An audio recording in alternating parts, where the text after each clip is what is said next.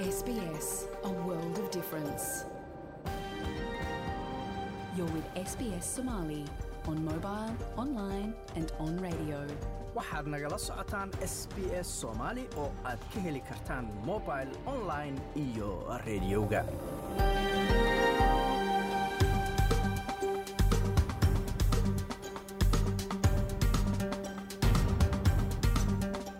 habeen wanaagsan dhammaantiinma meel kastoo aad joogtaan. Waa habeen arbacaa bisha nofembarna ay tahay sanadka labadakuniyolabaatanka halkaad naga dhegaysanaysaanna waa laanta af soomaaliga ee idaacadda s b s oo si toos idinkaga imanaysa stuudiogaanu ku leenahay magaalada melbourne. Magacaygu waa xasan jaamac. Waxyaalaha aad idaacadda caawa ku maqli doontaanna waxaa ka mid a waxaad arkaysaa raashiin naijeriyana raashiin malaawi ah raashiin zimbawi ah zambiya ah wax kala duwan. Farshaxan badan baa la soo bandhigay oo qurux badan ha noqdo kenyaati ama ugandhees ha noqdo.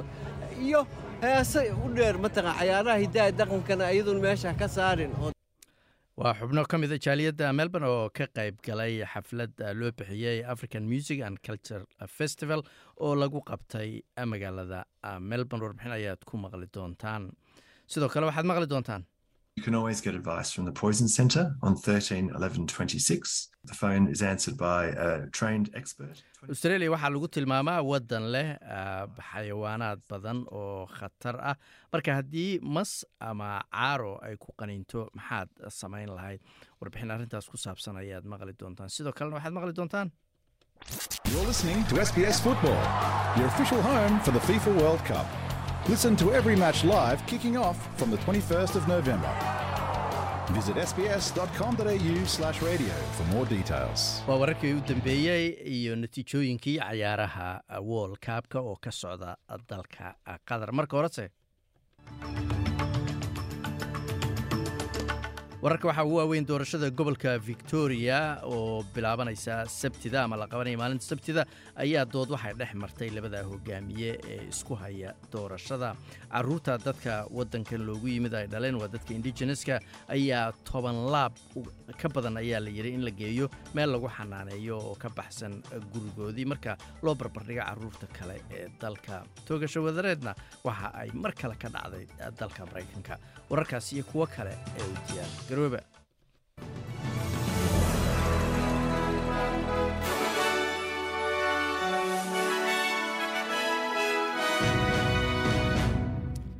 haddana waa warkii oo dhammaystiran. Codbixiyaasha gobolka victoria oo aan weli go'aansan cidda ay u codaynayaan oo ka qayb galay dood dhex martay premier daniel andrews iyo hogaamiyaha liberaalka mr guy.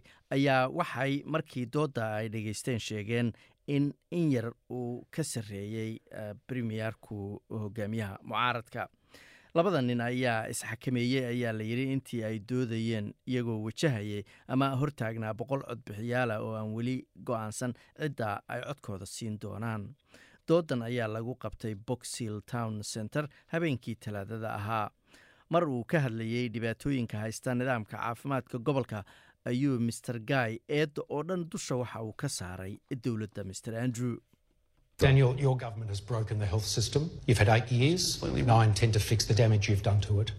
daniel ayuu yidhi dowladdaada ayaa burburisay nidaamka caafimaadka siddeed sano ayaad haysatay waxaana doonayaa buu yidhi inaan dhaawaca iyo dhibaatada aad u geysatay anigu hagaajiyo oo wax ka qabto.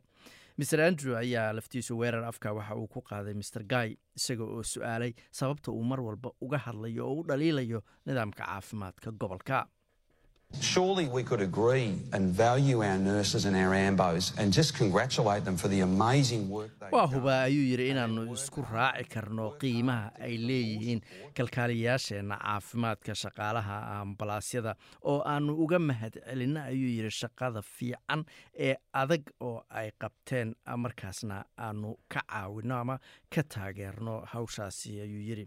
Cod aruurin laga qaaday doodda kadib boqolkii qof ee barnaamijkaasi ka qayb gashay ayuu master andrew waxa uu cod in yar ka sarreysa helay codkii master guy isaga oo soddon iyo siddeed boqolkiiba dadkii goobta joogay.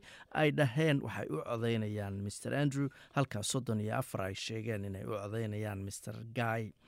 Dadkii madasha joogay oo aan iyagu horay go'aan uga gaarin cidda ay u codaynayaan ayay ahaayeen dadka goobta ku sugnaa oo boqol gaarayey dadka ayaa goobaha codbixinta u dareeri doonaa maalinta sabtida sidaanu hore u sheegnay.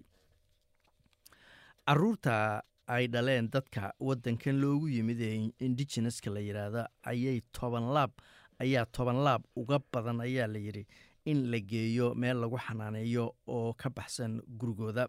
Marka loo barbardhiga carruurta kale sida laga soo xigtay daraasad cusub oo la soo saaray warbixintan cusub ee loo bixiyey family matters report ka oo ay soo saartay hay'adda secretariat national aboriginal and islander child care oo snake loo soo gaabiyo ayaa lagu eegay sida carruurta dadka dalka loogu yimid ay ugu badan yihiin goobaha dowladdu carruurta ku xanaanayso inkastoo carruurta indigeneska baa la yidhi ay shan boqolkiiba ka yihiin carruurta guud ee australia haddana afartan iyo labo boqolkiiba ayay ka yihiin carruurta lagu hayo ama lagu xanaaneeyo xarumo ka baxsan gurigii qoyskooda.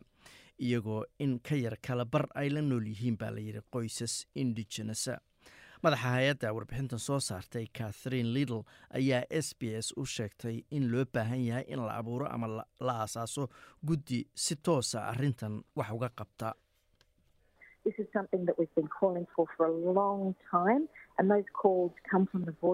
in la aasaaso guddigan waa arrin aanu waqti dheer ku baaqaynay ayay tiri codadkaas kuwa la midana waxay sidoo kale ka soo baxayeen ama ka imanayeen bulshadeenna iyo qoysaskeenna oo lahaa dhib intaan ka badan kuma sii jiri karno. Intaas ayaa nooga filan. Waa in nala dhegaystaa tiro noocan oo kalea waa tirada caruurte oo soo noqnoqonaysa ma ogolaan karna ayay tiri waxaana u baahannahay guddi qaran oo carruurta indigeneska markaasi la shaqeeya dowladdana kala xisaabtama guuldarrada dhanka nidaamkaasi iyo siyaasadaheeda ayay tiri miss lil kumanaan ka mida kalkaaliyaasha caafimaadka gobolka new south wales ayaa shaqo joojin joojiyey labaatan iyo afar saacadood iyaga oo sida la soo sheegay ka cabanaya shaqaala yaraan nidaamka caafimaadka gobolka boqolaal ka mida kalkaaliyaashaasi iyo weliba umulisooyin ayaa maray waddada macquari street ee bartamaha magaalada sydney halkaas oo ah goobta uu ku yaalo baarlamaanka gobolka looga taliyo. Halkaa qeybo kale ay dibadbaxyo kuwaasoo kalea ka dhigeen qeybaha kale ee gobolka new south wales.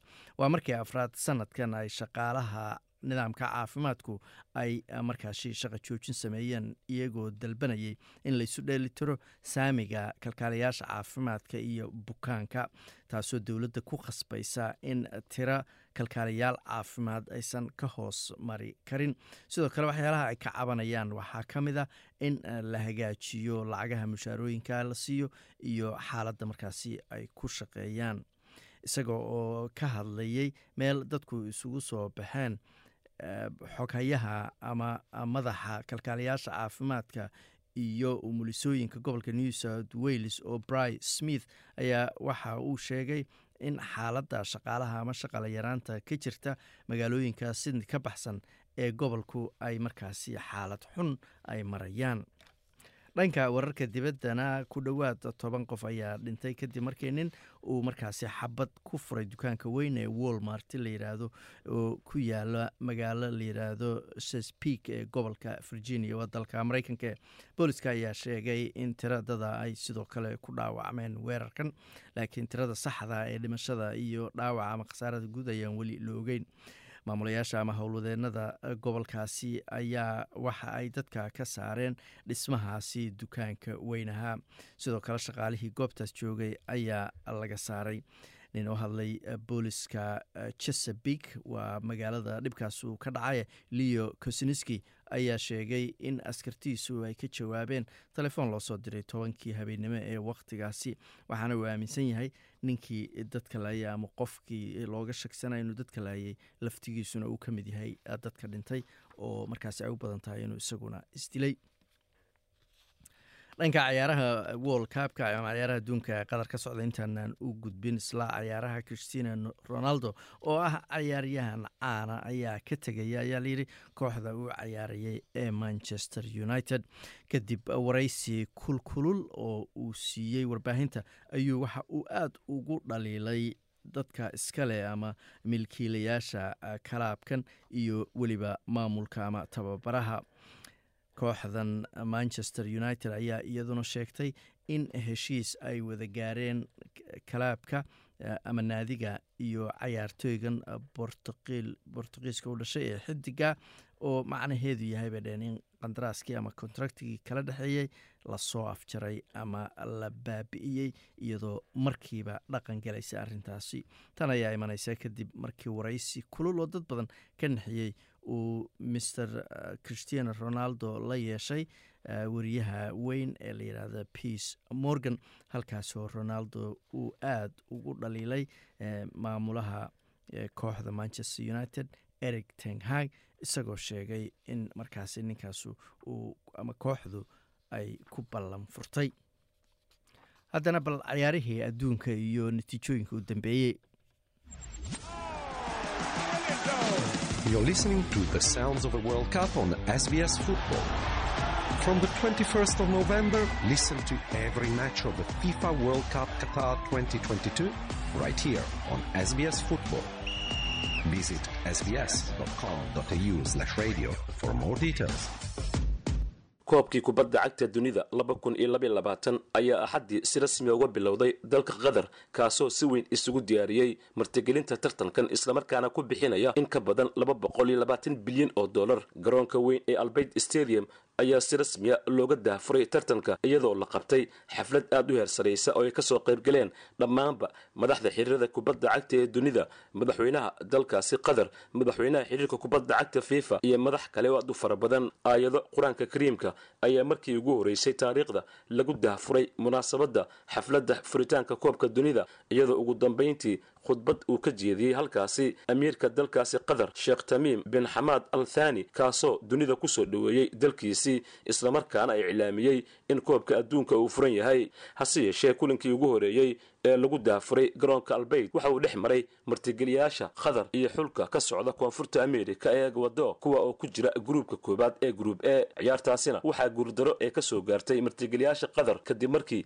laba gool oo mid ahaa goolkulaad uu dheliyey xulkiisii egwador kabtankoodii ener valencia xulka qatar ayaana noqonaya xulkii ugu horeeyey ee martigelinta koobka adduunka ee guuldaro ay soo gaarto kulankiisii koowaad isla gruubkaasi ee kulankii kale ee dhacay netherland ayaa laba gool eber waxay kaga adkaatay xulka qaradda afrika ka socda ee senegal. Inkastoo senegal ay soo bandhigtay ciyaar aada u wanaagsan haddana tobankii daqiiqe ee ugu dambeeyey ayaa laga helay labada gool ee looga adkaaday gruubka kale ee xiga ee gruub b. Xulalka maraykanka iyo welis ayaa ku kala tegay barbardhac gool iyo gool. Maraykanka ayaa goolka ku hormaray hase yeeshee goolkulaad ay heleen xulka welis ayaa waxaa gool u bedelay ciyaaryahankoodii kabtanka ah ee great bell. Isla gruubkaasi bina kulankii kale ee dhacay xulka ingiriiska ayaa lix gool iyo labo wuxuu kaga adkaaday xulka iiraan gruubka kale ee ku xiga ee gruub c kulamadii dhacay mexico iyo poland ayaa eber eber ku kala tegay hase yeeshee hadalhaynta kubadda cagta ee koobka dunida ayaa waxay noqotay kulan ciyaareedkii laga soo calaamadeeyey gruubkan ee dhex maray xulalka sacuudi arabiya iyo argentiin. Xulka argentiin oo ka mid ah xulalka loo saadaalinayay ku guulaysiga tartankan ayaa hadda shakili geliyey markii toban daqiiqo intaanay gaadhin ciyaarta ay gool kaga hormareen dhigoodii sacuudi arabiya oo la filayay inay ku durdurin kareen. Hase yeeshee gooli eber ayaa lagu kala tegay qaybtii koowaad. Markii la soo laabtay ayay ciyaartooyda sacuudiyaanku waxay muujiyeen karti awood dheeriya taasoo geyeysiisay in afar daqiiqo gudahood ay laba gool dhaliyaan. Sida ayayna guuldaro laba gool iyo hal waxay dhabarka ugu saariyeen argentiin oo u ciyaaro xidiga toddobada jeer isagu noqday laacibka ugu fiican dunida ee leonel messi. Gruubkaasina sacuudi arabiya ayaa ku horkacaya saddex buundo. Gruubka kale ee ku xiga gruub d kulamadii dhacay denmark iyo tunisiya ayaa isku garbadhacay oo eber eber ciyaartooda noqotay waxaana uu noqday kulinkii ugu horeeyey ee barbadhac lagu kala tago ilaa iyo iminka iyadoo xulka difaacanaya koobka dunida ee laba kun sideed iyo tobankii ku guulaystay faransiisku ay guul ku daafureen markii afar hal ay kaga adkaadeen xulka sakaros lagu naaniiso ee australia. Australia ayaa gool kala hormartay daqiiqadii ugu horeeyey ciyaarta hase yeeshee min laba gool labadii qayb laga kala dheliyey ayaa lagu dubtay afar iyo hal laba ka mid a goolasha. Waxaa dheliyey ciyaaryahanka oliver jiru oo sidaasi kula simay xidiga ugu goolasha badan. Xulka faransiiska oo horay kobi konton gool uu ku hayay ciyaaryahan thery henry gruubkan faransiiska ayaa saddex dhibcood ku horkacaya halka australia ay gruubka ugu hooseyso. Maanta ayaa la dheeli doonaa kulamo kale oo ku tirsan gruubyada iyadoo gruub e ay kulmi doonaan xulalka germany iyo yabaan si la mid ah sbain iyo costa rica ayaa wada ciyaari doonaa iyadoo caawa beljimka uu la ciyaari doono xulka canada. Halkaaad warbixintaas kala socoteenna waa laanta af soomaaliga ee idaacadda s b s. Cayaarihii u dambeeyeyna waxaa hadda weli waxaa si toosa u socda cayaar u dhexaysa ama dhex maraysa morocco iyo croatia. Eber iyo eber ayay kala joogaan waxayna ku jiraan qeybtii labaad ee cayaaraha waxaana saacad kadib soo geli doona. Sidoo kale jarmalka iyo jabaan waxaana ku xiga spain iyo costarica waa cayaaraha soo socda. Dhammaan cayaaraha sidaad ogtihiin waxa aad ka daawan kartaa s b s ka website-keeda telefishinka iyo weliba s b s on demand oo ah www s b s com au xariijin s b s on demand kadibna xariijin kale fifa world cup wararkii u dambeeyey cayaarihii hore kuwii dambe falanqayntoodii dhammaantood halkaas ayaad kala socon kartaa saadaasha hawada berita magaalada melbourne waa qayb ahaan daruur baa leeyahay labaatan digrii brisbanna waa inta badan cadceed ayaa la leeyahay sidnina waanu ku soo noqon doonaa. Marka horese ee qatarkeeni xaysintaha halkaad weli nagala socotaan waa laanta af soomaaliga ee idaacadda s b s saadaasha hawada berita magaalada sydneyna waa cadceed iyo laba iyo labaatan digrii weli waxaa noo soo socda. Warbixin ku aadan masaska iyo caarada oo aad looga cawdo dalkan australia oo qaarkood laga yaaba inay qofka hadday qaniinaan dhibaato weyn u geysta warbixin dheer ayaad ku maqli doontaan. Marka horese waxaa magaalada melbourne lagu qabtay jimcadii bisha noofembar ay ahayd sideed iyo tobanka ilaa axaddii ay bishu ahayd labaatanka. African music festival oo sanadkiiba mar lagu qabto magaalada melbourne. Festivaalkan ayaa lagu soo bandhigaa dhaqamada hidaha iyo muusiga afrikaanka waxaana ka soo qaybgala oo ku soo bandhiga dhaqamadooda dalal badan oo afrika ka kala socda. Sanadkan waxaa la filayey maalintii sabtida ahayd inay ka qayb gasho koox soomaali ah balse ma aysan imaan waqtigii lagu ballansanaa waxaa s b s ta uga qayb galay festivaalkan maxamed madar oo s b s soomaaliya ka tirsan wuxuuna tegay festivaalka maalintii sabtida ahayd isagoo halkaasi kula kulmay xubno ka tirsan jaaliyadda waxaa ka mid ahaa dadkaasi uweys sheekh muxidiin oo ka mid ah madaxda ama hormuudka jaaliyadda magaalada melbourne sidoo kalena ah sawir qaade wuxuu sidoo kale madar la kulmay qoysas soomaali ah. Madar ayaa uweys sheekh muxudiin waxa uu wax ka weydiiyey festivaalka dareenkaaga adoo ka qayb galay african music and culture festival adoo ka qayb galay joogay maalinkii hore iyo maantaba. Marka maxaad dareenkaaga nala wadaagi lahayd haddii aad soo koobto? Aadaad u mahadsan tahay madar runtii aad iyo aad ayaan ugu faraxsanahay waraysigaani runtii dareenkayga lama soo koobi karo. Waa sannadkii mar baa la qabtaa feestada noocan ah. Sannadihii hore soomaalidu way ka soo qaybgeli jireen. Ma aqaan sanadkan waa xeeray. Inay beri imaan doonaan in kale war uma hayo. Laakiin waa meel runtii aad u qurux badan oo lagu soo bandhigo kaljar kala duwan afrikaanka. Ama ha noqdo nigerian ama senegaal malaawi maali dad badan oo mataqaana kala duwan ayaa ka soo qayb galo. Waxay fursad waxay ku siinaysaa inaad la kulantid dadka walaalaheena afrikaanka ah. Laisma arko magaaladu qofka sadanihiisuu bursanaya. Marka maanta axmed waxay ahayd maalintii laisu yimaado oo la wada sheekaysto laga qayb galo farxaddaani oo maaragtay carruurta la keeno. Runtii waa arrin maaragtay oo aad loogu farxo oo kaljarkana lagu soo bandhigayo aad ogaan kartid dadka kale cayaarahooda hiddaha iyo dhaqanka. Waxay tahay inay ogaa inay ogaadaan. Annaganu waan leenahay hiddiyo dhaqan baan leenahay soomaali oo kala duwan oo runtii aad u qurux badan. Laakiin ma arag ilaahay hadda maanta wax ka soo qayb galay. Waxaan rajaynayaa berid baa hartay inay beritan ay ka soo qayb galaan. Waxaad arkaysay khaymado ama teendhooyin kaljarkii afrika oo kala duwan dalal kala duwan hadday noqoto dharka hadday noqoto alaabaha la sameeyo gacanta lagu sameeyo cunnadii maxaan ku rahdaa wixii xayawaanadii oo sawir oo gacmeed lagu sameeyey oo wax badan baad arkaysaa qalabkii la isticmaalayay cuntada lagu cunayey nolosha loo istic dareenkaaga markaad fiirisay maxaad istiri runtii waa arrin mataqaanaa aad u qurux badan markaad fiirisid. Anigu iyo xaaskaygaan wada soconay maanta waxaan ka soo qadaynay maqaayad yar oo senegaal ah oo raashinkuna xalaal uu yahay. Waxaad arkaysaa raashiin naijeriyaan ah raashiin malaawi ah raashiin zimbaawi ah zambiya ah. Wax kala duwan farshaxan badan baa la soo bandhigay oo qurux badan ha noqdo kenyaati ama ugandhees ha noqdo iyo heese u dheer mataqaan cayaaraha hiddaha dhaqankana iyadun meesha ka saarin oo mataqaana waddamada kala duwan. Runtii anugu waxaan ahay street photographer ama sawir qaadaan ahay.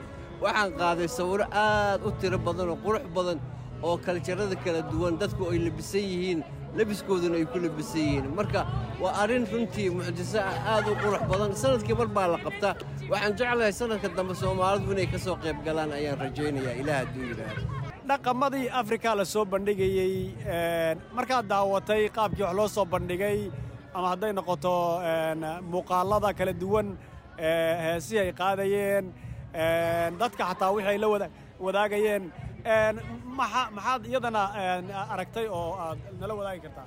Waxyaalaha ugu yaabka badan waxaa ka mid ah cayaaraha hiddaha iyo dhaqanka afrikaanka markii la qabto ama ay soo bandhigaan maaha afrikaan keliya australiyaanka dadka caddaanka ah ama dad ka socda waddamada kale griig ama talyaani ama masedoniya erish ayaa ka soo qaybgelay ayaguna ay jecel yihiin inay mataqaanaa tababar baa markii goobtii baa tababar lagu siinaya ayagoo soo bandhigaya cayaarihii hiddaha iyo dhaqanka afrikaanka. Ah taasi waxay muujinaysaa maaragtay in dad ku faanaya afrikaanka dhaqankooda iyo iddooda inay yihiin ay kuu muujinaysaa ugu dambaynta shalay iyo maantaba waad joogtay. Marka maadaamood joogtay markaad aragtay sida loo soo camiray iyo sida dadku ay u siinayaan dareenka iyo xiska inay inay fiiriyaan daawadaan. Waxay dadku afrikaanku samaynayaan ay sameeyaan maxaad isleedahay kaljarka afrika hadda muxuu uga dhigan yahay dadkan kale aan aqoonin markay fiirsanayaan waxaad mooddaa shalay jimcay ahayd oo dadku badanaa jimcaha way shaqeeyaan laakiin maanta way ka duwan tahay. Dadkii shalay ka soo qaybgalay in ka badan ayaa ka soo qaybgashay tani waxay u dhigantaa awal afrikaanka dhaqankooda ama myuusikada afrikaanka wuxuu ku koobnaan jiray keliya in afrika keliya laakiin hadda adduunweynihii dhan mataqaan waxay noqotay mid caana ay noqotay. Misaal waxaa ka soo qaadaa asaaka ninka nigeriyaanka ah heesaha qaado maaragtay. Adduunyada meelaan laga daawano ama meelaan mataqaan laga dhegaysan male sidaasi la mid ah afrikaanka kale ama maali ha noqdo ama kenyaati ha noqdo dad badan oo kala duwan ayaan la kulmay oo mataqaana aan halkaan isku baranay oo ka mid yihiin dad ka socdo kenya ka socdo dad ka socdo zambiya ka socdo dad ka socdo senegaal. Runtii waa arrin maaragtay mucjiso leh oo u baahan maaragtay in loo kuurgalo oon aan ku faani karno dhaqankeenna iyo hiddaheenna aan ku faani karno. Haddaanu nahay soomaali haddaanu nahay afrikaan haddaanu nahay. Ugu dambaysta aways sheekh muxiidiin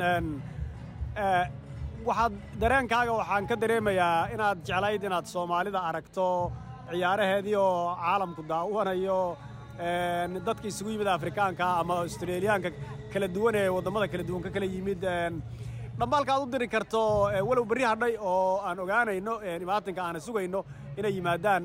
Dhambaalkaas farriin haddaa u diri lahayd maxaad dhihi lahayd?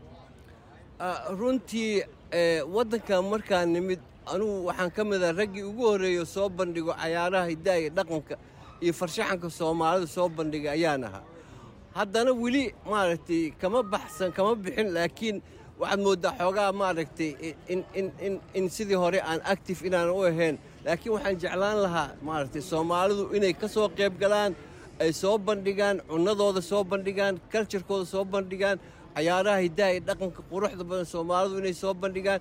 Waxaan jeclahay beri baa ka hartay beri inay ka soo qaybgeli doonaan ayaan rajaynayaa hadday suurtageli weyso inaan ku talagalno sannadka dambe si aan ugu soo qaybgeli lahayn haddaanu nahay soomaali.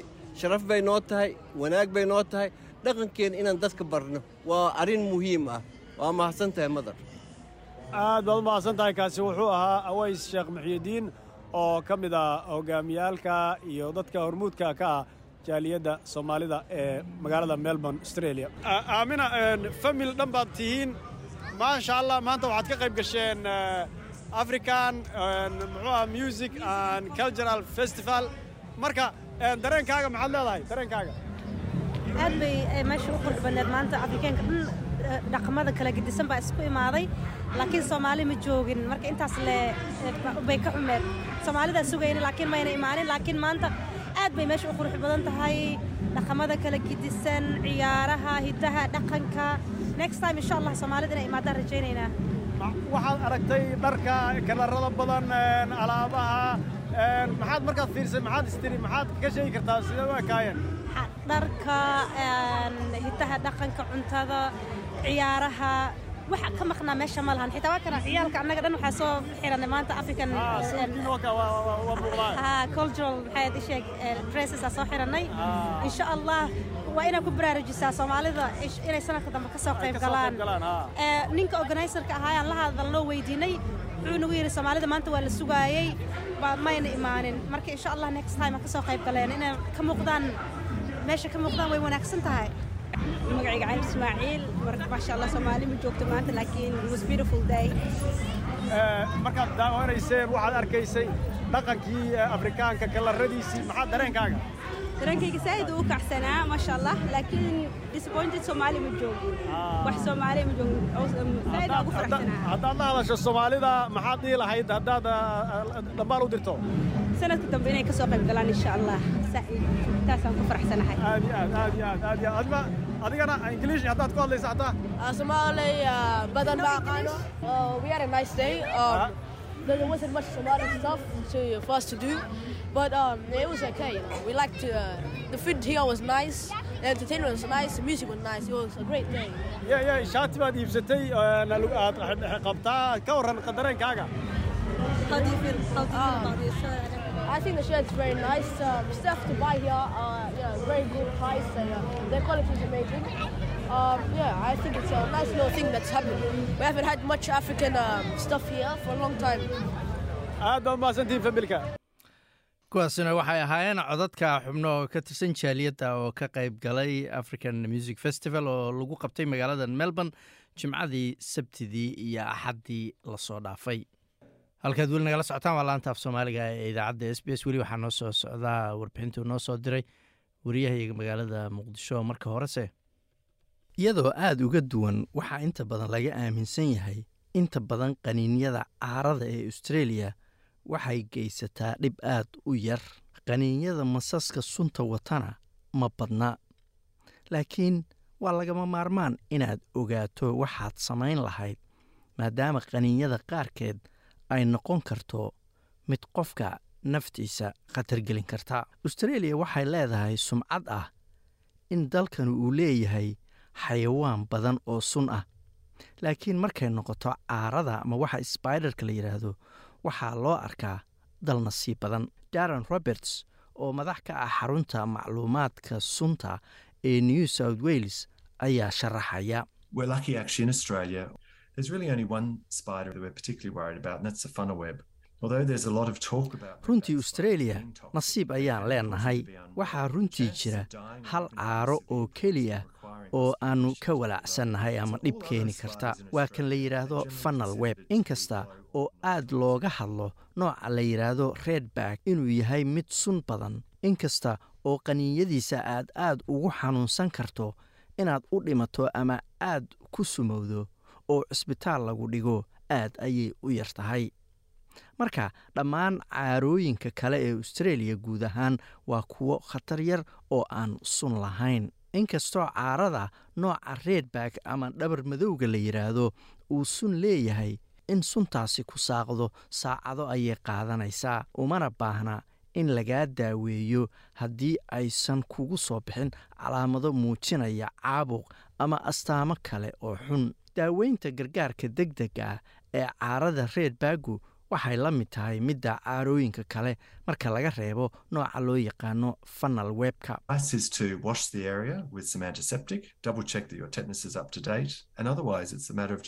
Taladu waa inaad meesha lagaa qaniinay ku dhaqdo jeermis dile iskana hubiso inaad teetanaha ka tallaalan tahay. Haddii kale waa inaad sugto oo ilaaliso calaamadaha haddii aad isku aragto. Inta badanse dadku uma baahdaan inay cisbitaal tagaan. In meesha caaradu kaa qaniintay aad xanuun ka dareento waa caadi. Soo qaado baraf maro lagu laabay saarna meesha lagaa qaniinay kuna hay muddo shan iyo toban daqiiqaa si xanuunku kaaga yaraado. Inta badan qaniinyada caarada waa mid aad u khafiif ah oo markaas aadan dareemayn ilaa mar dambe mooye dor roberts ayaa sheegaya in qaniinyada caarada nooca fanal webka la yidhaahdo uu aad uga duwan yahay kuwa kale web is actually a painful bite. When it bites, that's when it injects venom. And fairly quickly, within 30 to 60 minutes, people start to report symptoms. qaniinyada fanal webku waa mid runtii aad u xanuun badan marka uu ku qaniino isla markaas ayuu suntana kugu shubayaa isla markiina soddon ama lixdan daqiiqo gudahood qofka la qaniinay calaamado ayuu isku arkayaa. Sida xanuun wadnaha oo garaaca dhidid neefta oo qofka ku dhegta. Dadka qaarna waxay sheegaan bishimaha oo waxoogaa jareeya mararna murqaha oo jareeya oo awooddooda yareeya. Marka caarada fanal webka la yidhaahdo waa mid khatar ah oo sababi karta in suntiisu qofka disho si deg dega ayayna u dhici karaan waxaasi.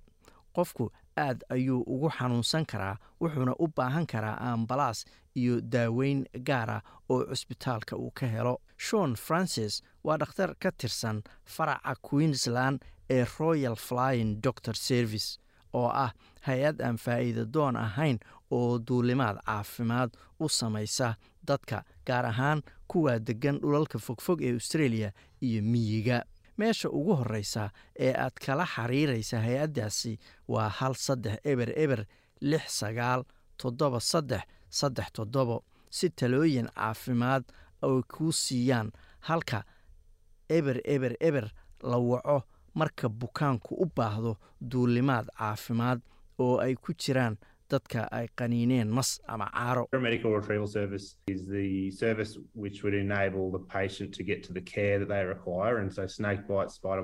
Adeegga duulidda caafimaad waa adeeg awood u siinaya bukaanku inay xanaanaynta ay doonayaan helaan. Marka caaradu qofka qaniinto wuxuu u baahan yahay xanaano ama caafimaad dad badan ayaa ku sugan meelo aysan xanaanadaas ka helayn.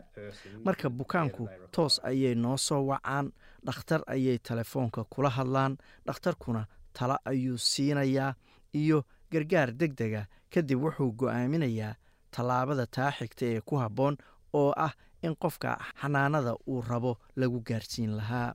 Dhulalka baadiyaha ah dhammaan qaniinyada masaska waxaa loo tixgeliyaa inay yihiin qaniinyo sumaysan hase yeeshee qaniinyada caarada inta badan dhakhaatiirtu waxay qiimeeyaan calaamadaha qofku dareemayo sidaas ayayna ku go'aamiyaan wixii la samayn lahaa. Dor francis ayaa sharaxaya Our general approach to someone who advises us they've been bitten by a snake is we treat all instances of being envenomed. qaabka guud ee aannu u wajahno qofka noo sheega in masqaniinay waa inaan mar kasta ula dhaqanno sidii inay tahay qaniinyo sun wadata haddii xataa qofku uusan lahayn calaamadihii lagu yaqaanay sababtoo ah sidaas ayaa ugu ammaansan inaannu samayno qaniinyada caarada xoogaa waa mid ka adag taas. Inta badan nooca caarada iyo dhaawaca ay geysatay lama ogaan karo. Marka in caaradu tahay nooca redbag ama fanal web ama nooc kale inta badan qofku wuxuu leeyahay waan baqaya oo cabsi ayaa igu jirta waana xanuunsanahay. Markii ay calaamado dheeraada soo baxaan ayaan annagu walaac muujinnaa sidaas ayaana ku howlgalnaa oo xanaano ama caafimaadka uu qofku rabo ugu fidinaa. Talada la siiyo qofka uu qaniino caarada weyn ee madowga ah oo ay dhici karto inay qayb ama qoys la tahay fanal webka ama uusan qaybba ka ahayn waxaannu ula dhaqannaa xaalad caafimaad oo deg dega dor roberts ayaa qeexaya tallaabooyinka ugu horreeya ee gargaarka deg dega ah. What we do is we apply a pressure immobilization bandage that is tied around the bite site. waxaannu faashad ku xirnaa meesha laga qaniinay qofka. kadibna aagga u dhow oo dhan ayaan kor iyo hoos ka xirnaa. Waxaan ku xirnaa waa faashad. ee ma aha wax dhiigga isku socodkiisa joojinaya. Qofku dhulka ayuu jiifaa mana dhaqdhaqaaqayo ilaa ambalaastu ay ka imanayso. Marka qofka ay qaniinto caarada fanal webka waxaa fiican in lagala taliyo inay socsocdaan oo lugeeyaan sababtoo ah waxay sii dedejin kartaa faafka sunta ee jirka meelaha qaarkood ambalaastu waxayba wadataa daawo sunta lagula dagaalamo sababtoo ah in qofka markiiba la siiyo wax sunta lagula tacaalo waa muhiim. Kadibna qofka cisbitaal ayaa loo qaadaa ayuu yidri tirakoob ahaan qaniinyo mas oo dadka dishaa ma badna. Tirakoobka u dambeeyey ayaa muujinaya in celcelis ahaan saddexdii kun oo qof oo masqaniinaba labo ay u dhintaan australia qaniinyada qaarkeed waa mid qallalan oo loola jeedo masku sun kuma sii dayn qofka. Hase yeeshee qaniinyo kasta waa in loola dhaqmo inay tahay mid sun wadata. Dor francis ayaa hoosta ka xariiqaya tallaabooyinka ah in faashad meesha lagu xiro in gooni loo xiro xubinta la qaniinay iyo in eber eber eber ama saddex eber la waco Any snake bite needs to be managed with the same first aid, regardless of symptoms or concern about being a dry or venomous bite. qaniinyo kasta oo mas waxaa loo baahan yahay in isku si loo maareeyo oo gargaarka koowaad loo fidiyo calaamaddu waxay doontaba ha ahaatee ama ha noqoto qaniinyo sun wadata ama mid qallalan marka mar kasta oo aan isniraahno bukaanka mas ayaa qaniinay. Waxaan bilownaa gargaar deg deg ah oo ah in faashad lagu xiro la go'doomiyo qaybta jirka ee masku qaniinay iyo xanaanada caafimaad ee qofku u baahan yahay in loo fidiyo. Giani hodgson wuxuu haystaa laysanka masaska lagu qabqabto waana qof ka shaqeeya masqabashada. Wuxuu ku nool yahay meel ka baxsan magaalada melbourne ee gobolkan victoria. Waxaa jira noocyo masas sumaysan oo inta badan la arko laakiin wuxuu sheegay in xataa masaska aan sunta lahayn ay dhibaato keeni karaan hadday ku qaniinaan.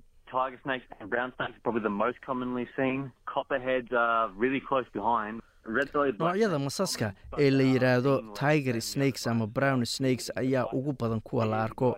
Nooca coberheadska la yidhaahdo ayaa ku xiga oo isna badan. Kan caloosha guduudan laakiin madow ayaa isna badan xataa nooca baythonka la yidhaahdo oo guryaha lagu arki karo oo xayawaanaadka rabada iyo caruurtuba ay dhici karto inay arkaan ayaa iyaguna jira. Waana mas aan sun lahayn laakiin waxaa dhici karta inay bakteriya wataan ama waxyaalo kale oo jirka aan u fiicnayn. Tan kale qofna ma jecla in uu masqaniino ayuu yidri uma badna in mas uu ku weeraro haddii isagu uusan kaa cabsan ama uusan khatar dareemin. Maser hodgson ayaa dadka la wadaagaya talooyin la xiriira waxaad samayn lahayd haddii aad mas aragto ama la kulanto.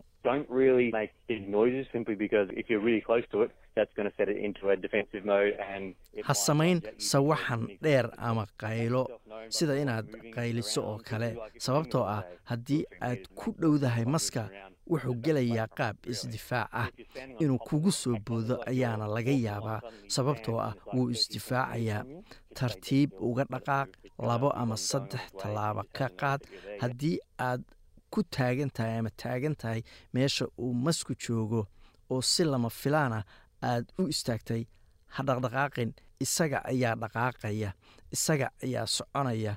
Inuusan ku dareemin ayaaba laga yaabaa inaad meesha joogta yeen kalaba haddii aadan garanayn waxaad samayn lahayd markii caaro ku qaniinto waxaad wici kartaa xarunta dhexe ee macluumaadka sunta sida uu sheegayo dr roberts You can always get advice from the Poison Centre on 13 11 26. The phone is answered by a trained expert. waxaad mar kasta tala weydiisan kartaa xarunta macluumaadka sunta oo aad ka heli kartid hal saddex hal hal laba lix waxaana telefoonka ka jawaabaya khuburo u tababaran arrimahaasi oo labaatan iyo afartii saacadood maalin walba diyaar ah oo kaa caawin kara talooyin ku saabsan wixii aad samayn lahayd. Laakiin taxadar ahaan dhammaan qaniinyada masaska waa inaad si deg dega u wacdo tribal zero ama saddex eber haddii lacalla haddii xaaladdu deg deg ay noqoto. Haddii aad la joogto qof uu mas ama caaro qaniinay waxaa dhici karta in maskaxdoodu aysan joogin oo ay wareersan yihiin ama ayba dhacaan. Xanuun badan ayaa haya. Ha ka laalaaban ee markiiba wac eber eber eber halkaad warbixintaas kala socoteen waa laanta af soomaaliga ee idaacadda s b s. Haddaanu dib ugu laabanno cayaaraha adduunka ee ka socda magaalada ama dalka qatar australia ayaa cayaarteedii u horreysay. Waxay la yeelatay dalka faransiiska oo iyagoo ah kuwa koobka adduunka haysta. Australia afar iyo hal ayaa lagu garaacay warbixin yar oo aan ka diyaarinayna waatan cayaartii ugu horreysay ee australia ay kaga qayb gasho cayaaraha adduunka ayaa dalka faransiisku waxa uu ku dhuftay afar iyo hal. Kooxda kubadda cagta australia oo loo soo gaabiyo sokoruus ayaa bilowgai cayaarta muujisay dadaal badan iyadoo ahayd maalintii saddexaad ee tartanka cayaaraha adduunka lagu qabto dalka qatar. Waxay u ahayd wakhti qaaliya kooxda sokoruus iyo dalka oo dhan wuxuu ahaa furitaankii ololaha tartanka kubadda cagta ee adduunka iyagoo wajahayay waa australia kooxda haysata koobka oo u dhalatay dalka faransiiska. Waxaa inta badan saadaashu ahayd in faransiisku uu ka badin doono australia laakiin markii cayaartu socotay sagaal daqiiqo kubad uu meel dheer ka soo laaday difaaca kooxda sakru harri souther ayaa waxaa qaatay matt liki isagoo ku sii laaday goolka agtiisa waxaana shabaqa ku hubsaday greg goodwin waana goolkiisii ugu horreeyey sidan ayuu david bashiir oo s b s ta u falanqeeya cayaaraha ku tilmaamay wakhtigaas indhasarcaadka oo kale ahaa leyki ayaa si qurux badan u soo taabtay ayuu yidhi fursad ayaa jirta waa gool waxaana dhaliyey greg goodwin waa wakhti cajiib u ah australia ayuu yidhi bashiir. Australia hal gool leh faransiiskuna eber yahay wuxuu u muuqday himilo dheer oo u rumowday australia. Laakiin faransiiska ayaa dejiyey cayaartoodii oo inta badan maamulayay banooniga wixii markaas ka dambeeyey weerarna ku ahaa goolka australia iyadoo markaasi kooxda sukuruuska ay ku adkaatay inay difaacaan goolkoodii. Adrian rabio ayaa daqiiqadii labaatan iyo toddobaad bareejeeyey australia. Oliver girow ayaa goolkii labaad u dhaliyey faransa daqiiqadii soddon iyo labaad. Mbabe ayaa caddeeyey inuu yahay cayaartooyga ugu fiican garoonka isaga uu dhaliyey goolkii saddexaad daqiiqadii lixdan iyo sideedaad goolkaas oo uu teesto ama madaxa ku dhaliyey saddex daqiiqo kadibna afar iyo hal ayayba gaartay. Guuldarrada australia ayaa macnaheedu yahay inay tahay inay ugu yaraan bareejeeyaan tunisiya habeenka sabtida si fursadooda inay sii joogaan cayaaraha adduunka ay u sii noolaato oo ay u helaan fursad ay ugu gudbaan wareegga lix iyo tobanka u dambeeya. Tababaraha kooxda australia graham anel ayaa sheegay in kooxdiisu hadda ay sugayso tartanka kan xiga ee ay la yeelanayso tunisiya mar uu ka hadlayay cayaartii ay la yeesheen faransiiska wuxuu sheegay in markiisi ahaan loo fiiriyo in kooxda sukuruus oo kale aysan wax weyn ka qaban karin ama ka qaadi karin koox heer sare ah sida kooxda faransiiska oo kale. Ha waa hubaa buu yidhi in wiilasheenna aanu dhiiro gelinayno hawsha ay qabteenna waa inay ku faraxsanaadaan ayuu yidhi dadaal ayay muujiyeen laakiin la yaab ma aha in faransiisku naga badiyey beenbeen kuma aysan noqon ayuu yidhi kooxda haysata koobka adduunka. Maalintii saddexaad ee cayaaraha adduunka ayaa ka bilowday garoonka weyn ee cayaarta finalka lagu qaban doono ee luziel la yidhaahdo argentina ayaa aad loo hadalhayey inay ka guulaysan doonto sacuudi carabiya. Kadib markii gool go'aankiisa lagu gaaray fiidiyowga dib loo eego rigoore muran ka dhashay ayaa loo dhigay argentina. Daqiiqadii tobnaad taas oo leonel messi uu gool ku dhaliyey waxaa la filayey in sidii saadaashuba ay hore u ahayd ay wax u socdaan oo argentina ay sacuudiga si sahlan u garaacdo. Daqiiqadii labaatan iyo toddobaad ayay u ekayd in martines uu goolkii labaad u dhaliyey argentina laakiin waa la diiday goolkaasi. Sacuudiga ayaase laba gool oo isku xigxiga oo afar daqiiqo oo keliya ay u dhexaysay dhaliyey iyadoo midka hore ay ku bareejeeyeen argentina kan labaadna ay ku hogaaminayeen cayaarta tababaraha sacuudiga oo faransiiska u dhashay have renod ayaa guusha u nisbeeyey madaxa dalka ugu sarreeya. Waa dhaxal sugaha dalkaasi maxamed bin salmaan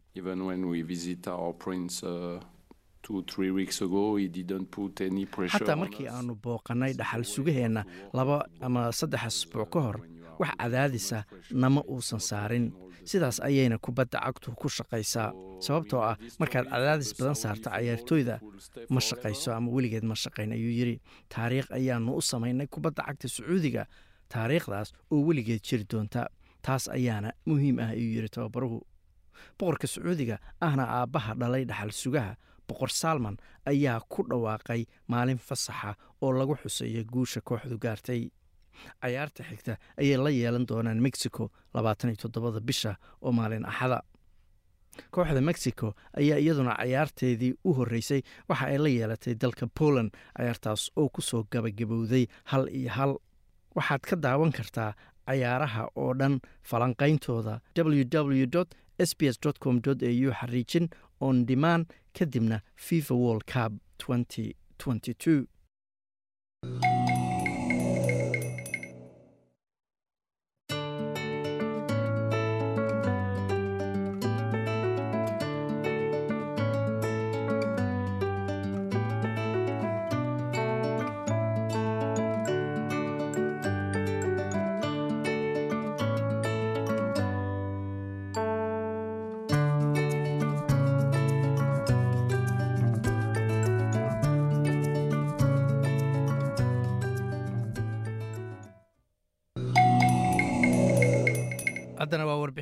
noo soo diray wariyahayga magaalada muqdisho. Gudoomiyaha gobolka hiiraan cali jeyti cismaan oo waraysi siiyey mid ka mid ah warbaahinta maxalliga ah ee magaalada muqdisho oo uu booqasho ku yimid ayaa ka warbixiyey howlgalladii ugu dambeeyey iyo dagaalka ka dhanka xarakada shabaab ee ka socda gobolka hiiraan iyo qaybo ka mid a dalka iyo waxyaabaha kale ee u qorshaysan maamulkiisii. Hiiraan dagaalka ka socda hiiraan keliya horta kama socdo meelo badan buu ka socdaa dhinaca iyo wisil iyo xagga galmudug dagaalaa ka socda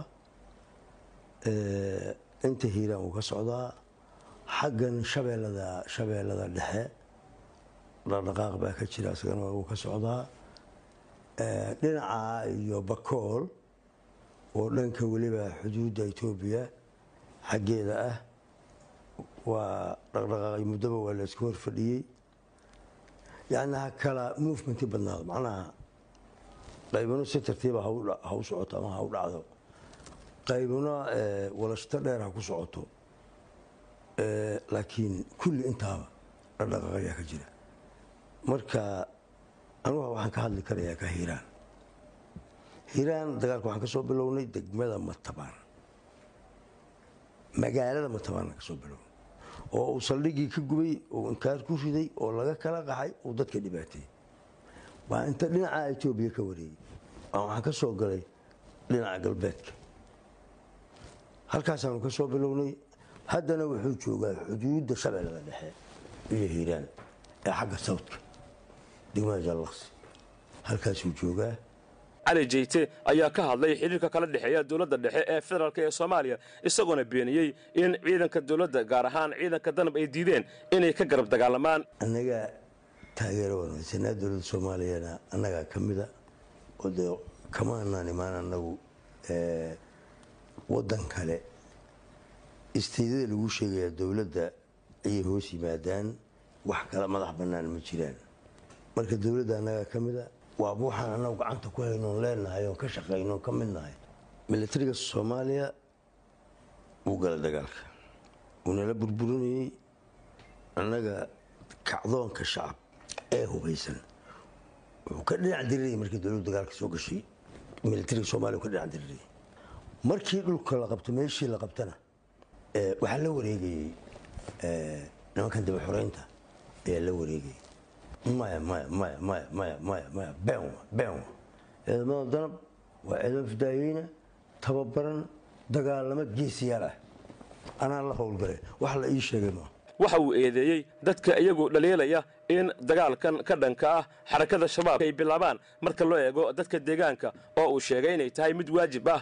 Qofkaas saa u fikeraya siyaasi maaha mas'uulna maa laba shay unbuu mid yahay qof handhikaaba inuu yahay oo dee qalbi dhimana iyo shabaab inuu yahay laba un labada mid. Qofka soomaaliya ee aad leedahay waa siyaasi ee aad leedahay waa madax ee soomaaliya xodogaal u ah ee dhahaya ciidanka xooga dalkaas ha diriro oo keligii ah ee shabaab ha la daayo. Siyaasi maaha qof handhikaaba waa handhikaab anaa kuu saxaya. Handhikaab waa qof yar xanuunsan ama mataalitigiisu garashadiisu hoosayso waxna aan cabiri karin. Fiiriye waddamada eeg ciraaq maxaa lagu xasiliyey? Yaa xasiliyey ciraaq. Waa tii burburtay tii taangiyaalka kasta la keenay. Waa tii wixii la doona lagu sameeyey.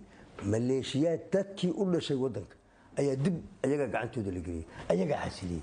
Kuwan hadda ay leeyihiin in ay dagaal galaan may ahayn ayadoo qarax iyo fidno iyo dhibaato iyo argagixiso maare looga waayo. Waxaa xasiliyey kuwan hadda ay diidayaan ee macawisleyda leeyihiin noocaasoo kaleo deegaanka u dhashay ayaa qayb sunniya iyo qayb shiica ah. Ayaa la diyaariyey ayagaana ka saara dalka. Ciraaq waata hadda maanta waa nabad. Marka qofka dhahaya annagu daliilaanu sheegaynaa toban dal baanu sheegaynaa oo nooca sida lagu xasiliyo uu noocaan ahaa oo cadowgii iyo argagixisadii ku jirtana noocaan looga saaray. Qofka dhahaya sax maaha muxuu daliishanayaa wuxuu daliishada maayo gudoomiyaha gobolka hiiraan cali jeyte oo hormuud u ahaa dagaalka ka dhanka xarakada shabaab ee gobolka hiiraan ayaa mar kale ku celiyey oo difaacay hadalkiisii ahaa in qofkii soo dila shakhsi ka tirsan al-shabaab uu abaalmarin siin doono. Wuxuuse beeniyey inuu isagu amray in la dilo qof aan hubaysnayn. Kadib markii ciidamada macuusleyda la magac baxay lagu eedeeyey inay dileen oo ay jarjareen. Dhallinyaro ay ku sheegeen inay al-shabaab ahaayeen. Oo la yidhiba iska dhaaf hadday diyaar tahaba qofku waa inuu al-shabaab yahay hadduusan al-shabaab ahayn gacanku dhiiglata maxkamada lagu geyna qofka aad disho hadduusan al-shabaab ahayn maxkamada lagu geynaa hadduusan hubaysanin xitaa ka mid ma waa inuu hubaysan yahay haddaan qofan hubaysanin iska dishid maxaa caddaynaya in shabaabta ma jirto waa inuu hubaysan yahay al-shabaab yahay ka shaqaynayo meeshii shabaabku ka faltamaya inuu ka shaqaynayo aniga abaalmarintaan soo bandhigay shabaab yahay nimankaan shabaab ma ahayn marka iskuma eka. Example laysu keeni kara maa aniga al-shabaabaan sheegay hubaysan nooca in la dilo ama la soo dilo aan amray noocaas waay. Nooca aan qoriga u sitay dadka oon u hogaaminaya noocaas waay. Dad masaakiina oo dhallinyaraha oo gurigooda jooga ayaa la dilay. Ma filaya qudhaydu hadda? Siday u fakereen iyo meeshay mareen iyo meeshay ka raadiyeen intaba way qaldaneen ma filayo hadda inay u bareereen inay wiilasha iska jarjaraan. De shabaab raadi moogtaadi. Marka aniga waxaan amro may ahayn dad shacaba in la aado. Haddaan mar labaad ku celinayaa qofka aan amray in la dilo waa qofka haddaba in la dilo qoryaha loo sito. Waa ayo waa al-shabaab. Hub wata oo dagaalamaya. Wixii aan intaa ahaynoon qofkii sameeyey beri ay gaar u tahayno ugu dambayntii gudoomiyaha gobolka hiiraan waxa uu ka hadlay rajada al-shabaab ay ku lahaan karaan inay sii maamulaan qaybo ka mida dalka iyo sida uu u arko ganacsatada la sheegay inay canshuur siiyaan xarakada shabaab. Shabaab waxaan intaasoo qarniba mar bay yimaadaan. Waa fidno waa virus runtii dadka soomaalida way duleysteen laakiin ummadda muslimiinta ilaahay ma bikoos dee alla nacay wuu rogi lahaa sooma hal mar usaa dhihi laha dabaylba ku kicilaasi dhammaan lahay. Danuubta iyo caloolxumada ay islacagka fadhiyaan soomaalidu ayaana waxyaabo badan oo daal gacanta ku sitaa ay kula dhacayaan soomaalida. Culimada soomaaliyeed inay si cad u sheegaan diinta qeexaan ay ku dhiiradaan ganacsatada soomaaliyeed ee inta lacag dhiibta lacagtoodii qarax lagu sameeyo ummad soomaaliyeed lagu leynayo aakhira xaggee geli rabaan halkaad weli nagala socotaan waa laantaaf soomaaliga ee idaacadda s b s wararka caawana. Waxaa ugu waaweynaa dhanka isboortiga cayaartii hadda soo gabagowday ciyaaraha adduunka krowetiya iyo morocco. Eber iyo eber ayay ku dhammaatay. Isla cayaaraha adduunkana christina ronaldo waxa uu ka tegey ayaa layidhi kooxda manchester united isagoo oo dhaliilay kooxda iyo weliba maamulaheeda waa madaxe. Ugu yaraan toban qof ayaa ku geeriyooday baa layidhi dalka maraykanka kadib markii nin uu xabad ku furay dukaanka weyn ee wolmartiga la yidhaahdo tiradadana waa ay ku dhaawacmeen kumanaan ka tirsan kalkaalayaasha caafimaadka iyo umulisooyinka gobolka new south welesna labaatan iyo afar saacadood ayay shaqo joojin sameynaya oo ka cabanaya shaqo yaraan haysataa goobahooda shaqooyinka ee isbitaalada iyo goobaha kale ee caafimaadka dhanka kalena doorashada gobolka victoria labada hogaamiye ee isku haysta matthew guy iyo premier andrew ayaa fooda isku daray dood loo qabtay oo ay hor joogeen boqol qof oo weli aan go'aansan cidda ay u codaynayaan doodii. Marka ay dhammaatayna soddon iyo sideed boqolkiiba waxa ay dhaheen. Andrew baan u codaynaynaa halka soddon iyo laba ay sheegeen inay matthew guy iyo liberaalka ay markaasi u codaynayaan. Idaacaddeenni caawana intaas ayaan ku soo gabagabaynaynaa waa anigoo ah xasan jaamac oo inla intaas iyo nabadgelyo waa inuu habeenka jimcada. Haddii uu eebaydmo